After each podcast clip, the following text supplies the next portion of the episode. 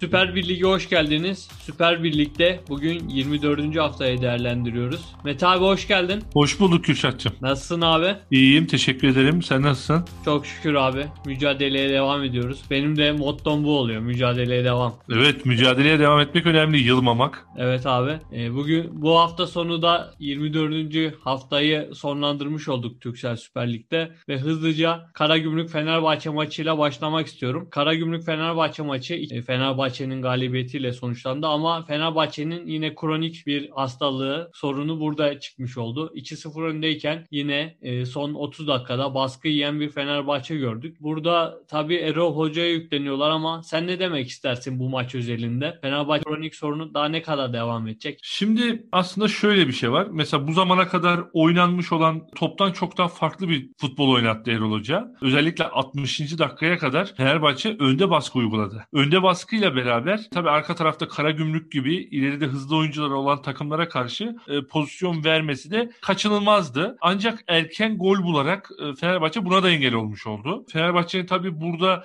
ilk önce aklımıza gelen olayı her zaman için duran top etkinliği. Gerçekten duran toplarda çok etkili bir takım oldu Fenerbahçe. Hani bulmuş olduğu gollerin önemli bir kısmını özellikle de maçı açacak olan, kilit rol oynayacak olan golleri e, hep duran, duran toplardan e, atmış oldu. Ancak ben mesela Erol Hoca katılıyorum mesela. Erol Hoca'nın bu hafta oynadığı topu ilerleyen günlere de ilerleyen haftalara da yayabilirse eğer hani Mesut'la, İrfan'la, Pelkas'la, Tiam'la beraber bu futbolu oynarsa ben etkili olacağını düşünüyorum. Yani önceki haftalarda oynamış olduğu futboldan çok daha farklı bir futbol oynadı. E, oynattı Erol Hocam. Ancak bence mesela Fenerbahçe e, 50 küsürüncü dakikada ikinci golü bulduktan sonra sanki normal topuna dönmüş olsa daha farklı bir skora giderdi oyun ama o önde baskı olayını devam ettirdiler.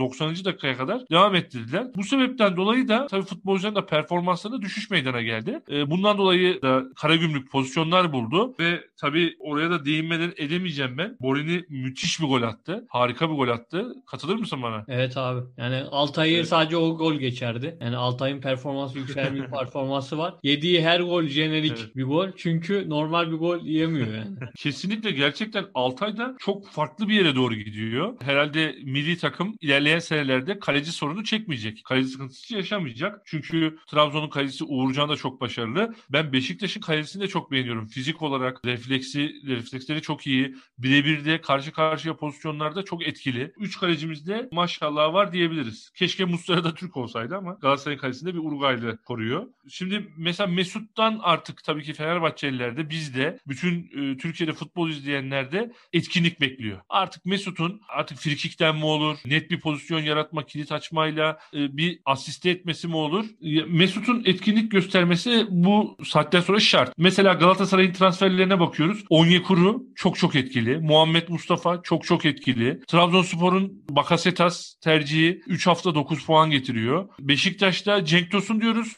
60'tan 70'ten sonra oyuna giriyor. 2 gol atıyor. Artık Mesut'un bir dahaki haftaki maçlardan sonra ben etkinlik göstermesi gerektiğini düşünüyorum. Tabii İrfan Can da gelecek. Farklı bir motifle herhalde sahaya çıkacaklar bundan sonra. Geçmiş haftalardan değil. Gerçi Fenerbahçe'nin şöyle de işi çok zor. Şimdi orta saha hep general oldu. Yani İrfan'ı, Mesut'u, Pelkas'ı hani oynatacaksa tabii hangi 3-4'lüyle çıkacak bilmiyoruz ama şu an için. Hep general dolu. Şimdi biraz da koşacak hamalara ihtiyaç var. Dediğin gibi Galatasaray'ın transferleri çok etkili oldu. İşte Onyekuru, ondan sonra Mustafa Muhammed gibi. Galatasaray ama Kasımpaşa maçında o hava koşullarının verdiği e, riskle daha az top oynadı ama 3 puanı almasını bildi. Galatasaray Kasımpaşa maçı özelinde ne demek istersin? Sahanın durumunu zaten federasyon hava şartlarından dolayı maçı 7'den saat 4'e almıştı. Öğleden sonraya aldı. Ee, çok da doğru bir tercih olduğunu görmüş olduk. Ama burada herhalde bu hava şartlarıyla mücadelede de bizim sorunumuz var. Yani burada bir branda meselesi mi var, alttan ısıtma meselesi mi var? Ama sahanın orta alan kısmı ceza sahası bölgesine kadar balçıktı, çamurdu. Futbolcular çok zorlandı. Ben çok zevksiz, hani geçen hafta hep söylemiştik ya Malatya Trabzon maçı gibi mi olur dedim ama e, Galatasaray belki de sezonun en iyi ilk 45 dakikasını oynadı. Çok etkiliydi. Pozisyonlar buldu. Emre Kılıncı ben çok beğendim. İlk yarıda driplikleriyle o sahada bile Emre çok iyi top sürdü. Birkaç pozisyon içerisindeydi. Mustafa'nın Ozan'ın çok güzel iki şutu vardı. Belki kalecinin üzerine gitti. Hani köşelere gitmiş olsa belki golle sonuçlanacak ataklardı. Tabii ikinci yarı Galatasaray oyundan düştü. Ben Fatih Hoca'yı burada hep e, hani evvelinden beri eleştiririm. Biraz sanki bana geç müdahale ediyormuş gibi geliyor oyuna. Yani de, bence Galatasaray değişiklikler için 70. dakikayı beklememeliydi. 70. dakikadan önce belki hani ikinci yarının başlarında bir iki oyuncunun değişmesi gerekiyor gibiydi. Çünkü saha şartları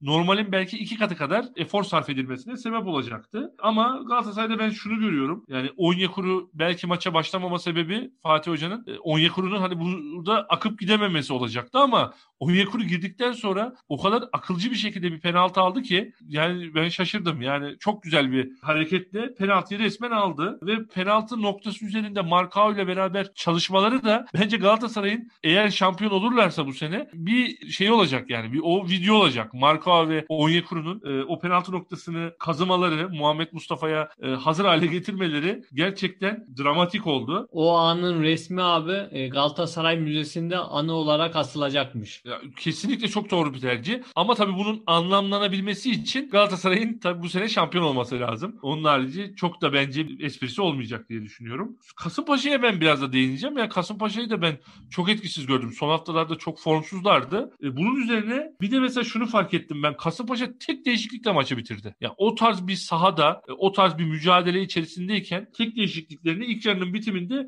Varga'yı oyuna atarak yapmış oldu Kasımpaşa. Yani Kasımpaşa'da bir şey göremedim. Etkinlik göremedim. Biraz Aytaç çırpınıyor gibi. Orta saha mücadelesi, ofansif katkı vermeye çalışıyor. Takımın e, lideri konumunda. Ama onun harici Kasımpaşa'da dikkatimi çeken e, başka ne bir futbolcu oldu ne de sistemleri oldu. Galatasaray dediğim gibi etkili bir top oynadı. Galibiyeti hak ettiğini düşünüyorum. Bir iki tartışmalı pozisyon var ama tabii o pozisyonlarda flu kalıyor. E, çünkü hani var sistemi olduğundan dolayı ben bu pozisyonda çok acımasızca davranamayacağım. Hani ben mesela Donk'un pozisyonunda arkadan ittiği pozisyon mesela o pozisyonda biraz hani penaltı mı acaba diye düşündüm ama e tabi VAR'daki hakemler pozisyonu izliyorlar sonuçta. Aynı şekilde e, gene ceza sahası içerisinde Kerem'in pozisyonu var. Kasımpaşalı oyuncunun ayağına müdahale yaptı mı yapmadı mı? E, müdahalesine sertlikte oldu. İki pozisyon var. Ama dediğim gibi yani bu kadar ağır şartlarda Galatasaray'ın buradan 3 puanı çıkartması önemli oldu. Ama işin bir de değişik bir kısmı var. Galatasaray'ın saha zemini acaba sene sonuna kadar düzelecek mi? Bence düzelmez. Yani zor. Bana da öyle geliyor. Düzelmemesi demek de Galatasaray tabii Onyekuru'yla, Muhammed Mustafa'yla, e, Belhanda Feguli ile Arda ile teknik bir futbol oynamaya çalışan takım. Yani o zeminde nasıl mücadele edecekler? Kendi iç sahaları bence şu an Galatasaray'ın deplasmana doğru gidiyor. Ama bunu tabii ilk maçından sonra konuşmamız lazım. Galatasaray'ın iç saha maçın ilk iç saha maçından sonra Hani bu, bu yorumu rahat bir şekilde yapabiliriz. Bu maçtan sonra Trabzonspor Antep maçına geçmek istiyorum. Trabzonspor zor bir maça çıktı. Çünkü Antep'in hem dizilişi hem de teknik ve taktik stratejisi bütün takımlara, büyük takımlara zorluk çıkarıyordu. Ve bu maçta da Trabzon e, açamadığı bir kilidi çok iyi organizasyonla Vakayeme Bakasetas, Flavio bir üçgeninde golü getirerek dediğim gibi Bakasetas'ın tek golüyle 3 maçta 9 puan getirdi Trabzon'a. Bakasetas özelinde diyebiliriz. Trabzon'un e, Gaziantep karşısında zorlanmasının sebebini nasıl açıklarsın? Şimdi geçen hafta biz bu maçın öncesinde yorumlarımızı yaparken Antep ve Trabzonspor arasındaki puan farkının daha fazla açılmamasını isteyeceğinden dolayı Antep'in bu maçın çok kritik olduğunu, ölüm kalım maç olduğunu söylemişti. Antep bu maçı maçı alsaydı o da yukarıya tutunacaktı. İlk dört içerisinde kalabilecekti. Onun için de zaten maçta çok sert fauller oldu, tartışmalar oldu. Futbolcular arasında zaman zaman yer yer gerginlikler çıktı. Sert de bir maç oldu. Ben e, geçen haftaki yorumumda e, Gaziantep defansının aslına bakarsanız Vakayeme, Ekuban ve Canini ile Trabzonspor'un pozisyonlar bulabileceğini söylemiştim.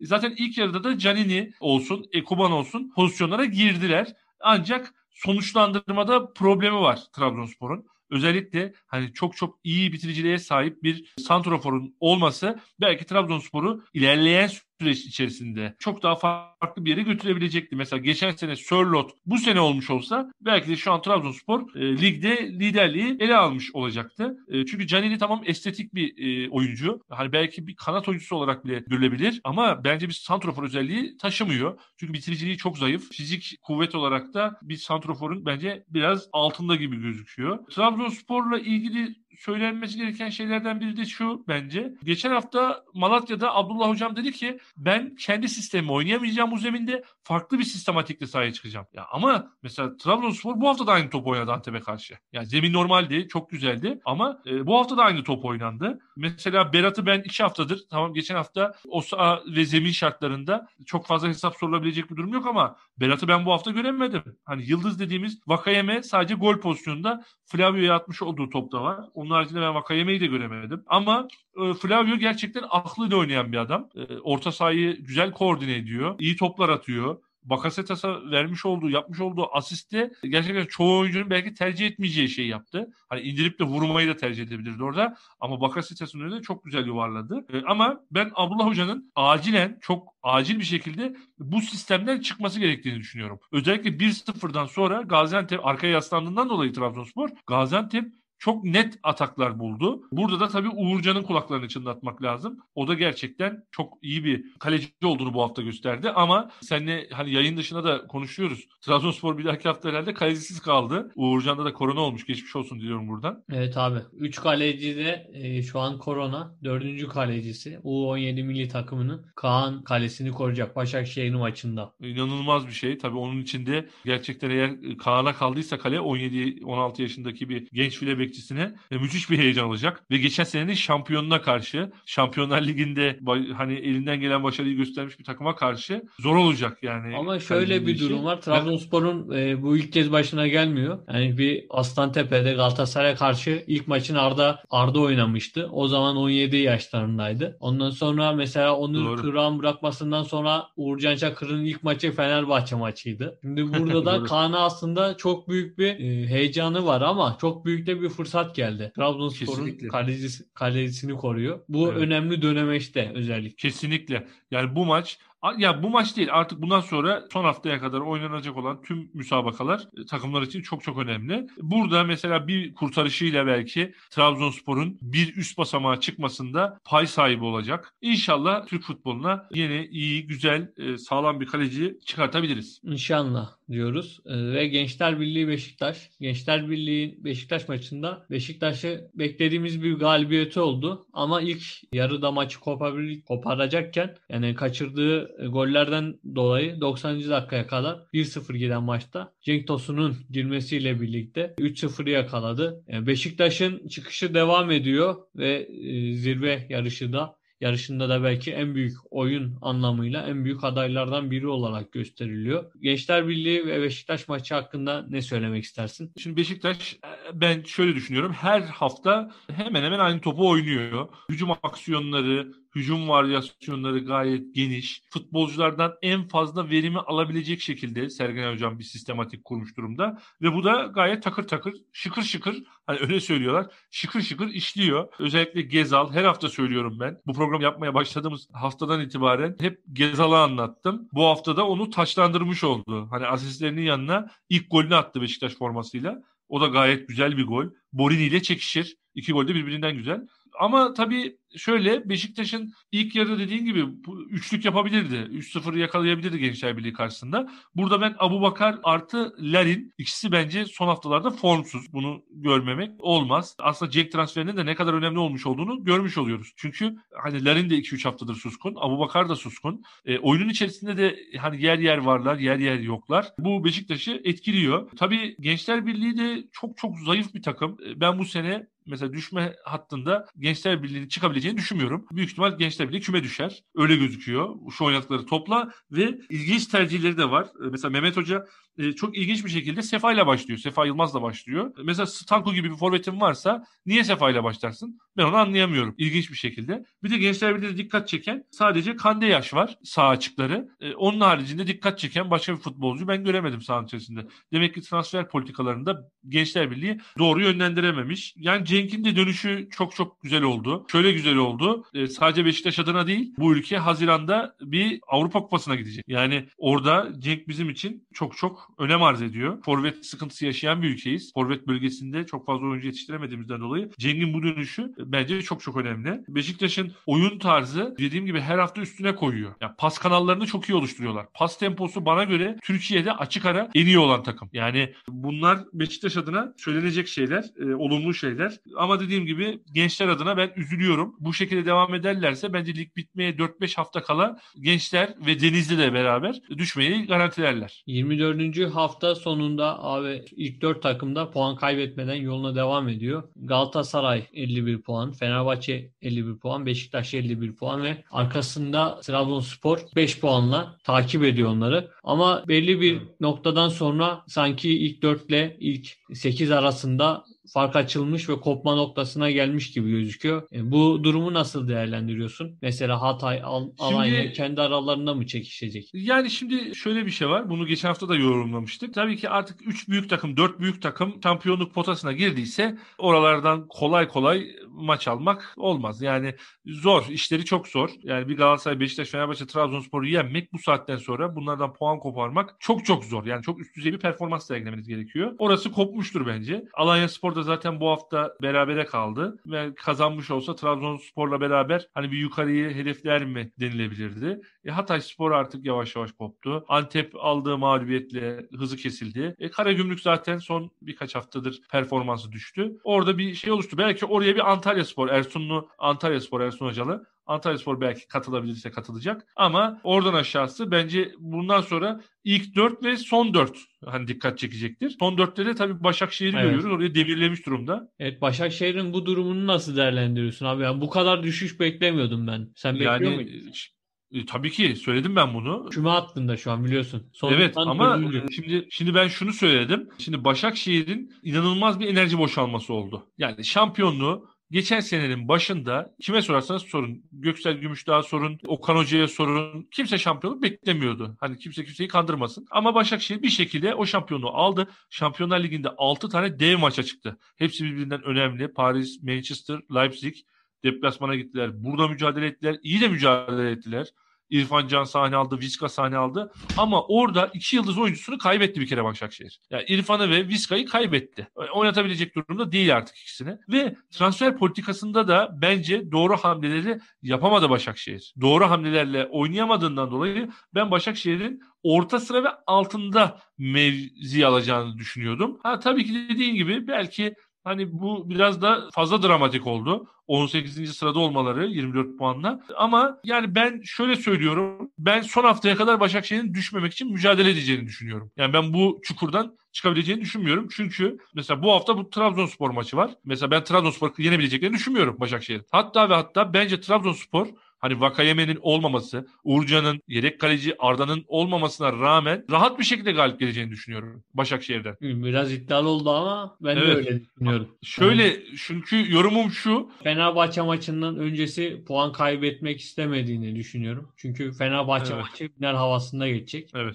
Şimdi o son düzlükte ne yapıp ne edip yani o maçı kazanmak istediğini biliyorum. Tabii yani şimdi büyük takımlar için birbirleriyle oynayacakları maçlar çok önemlidir. Orada herhangi bir şüphe yok. Ama e, ben Trabzonspor'un bir oyunu oturtmaya çalışıyorlar. E, Başakşehir'de tam tersi. Hani sahada ne için var olduklarını bile anlayamayan bir 11 kişi bir aradaymış gibi bir top oynuyorlar. Hani önüne geleni kaybeden bir takım durumundalar. Ligin en çok kaybeden 3. takımı Başakşehir. Dediğim gibi e, defansif organizasyonları da çok zayıf Başakşehir'in. Ben burada mesela Vakayeme'nin yokluğunu da bir avantaj olarak görüyorum Trabzonspor'da. Belki Yunus için e, bir avantaj. Belki Yusuf Sarı için bir avantaj. Hani kimi oynatacaksa Abdullah Hoca orada kimi tercih edecekse. Ama dediğim gibi Trabzonspor'un Başakşehir karşısında ben bir dahaki hafta deplasmanda bir 3 puanla Trabzon'a döneceğini düşünüyorum. Bu e, değerlendirmenle de gelecek haftaya biraz değindik. E, peki Alanya Spor Galatasaray maçı hakkındaki görüşleri nelerdir? Şimdi Galatasaray'da son haftalarda yükselen bir performans sergiliyor. Özellikle hücum yönünde Mustafa ile etkin görünüyorlar. Ama Alanya Spor'a da bu sene şansları gülmedi öyle mi Kürşat? İki maçta da yenildiler. Hem Türkiye Kupası'nda hem de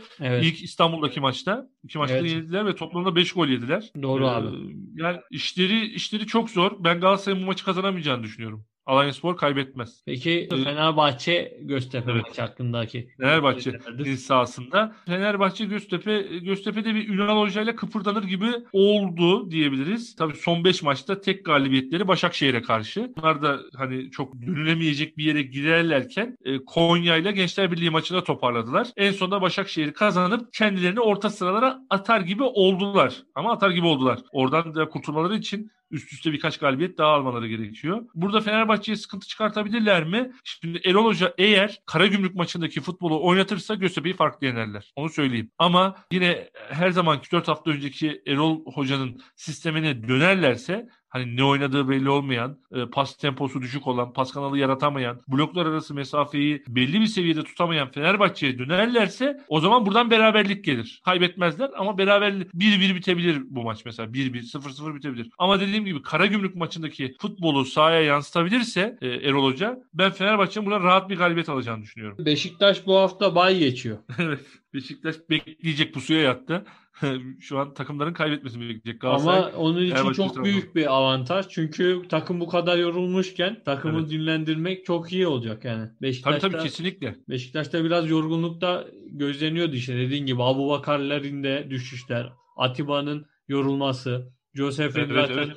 Her maç 90 dakika koşması sonucunda Beşiktaş için iyi bir fırsat olacak diye düşünüyorum. Kesinlikle. Bakalım 25. hafta umarım çok zevkli bir hafta olur. Biz de İnşallah. dört gözle bekliyoruz yani bu heyecanlı dört takım arasındaki mücadeleyi. Değerli yorumların için çok teşekkür ederim. Ben de teşekkür ederim. Böylece de programı bitiriyoruz. Daima sporla kalın diyoruz. Daima sporla kalın.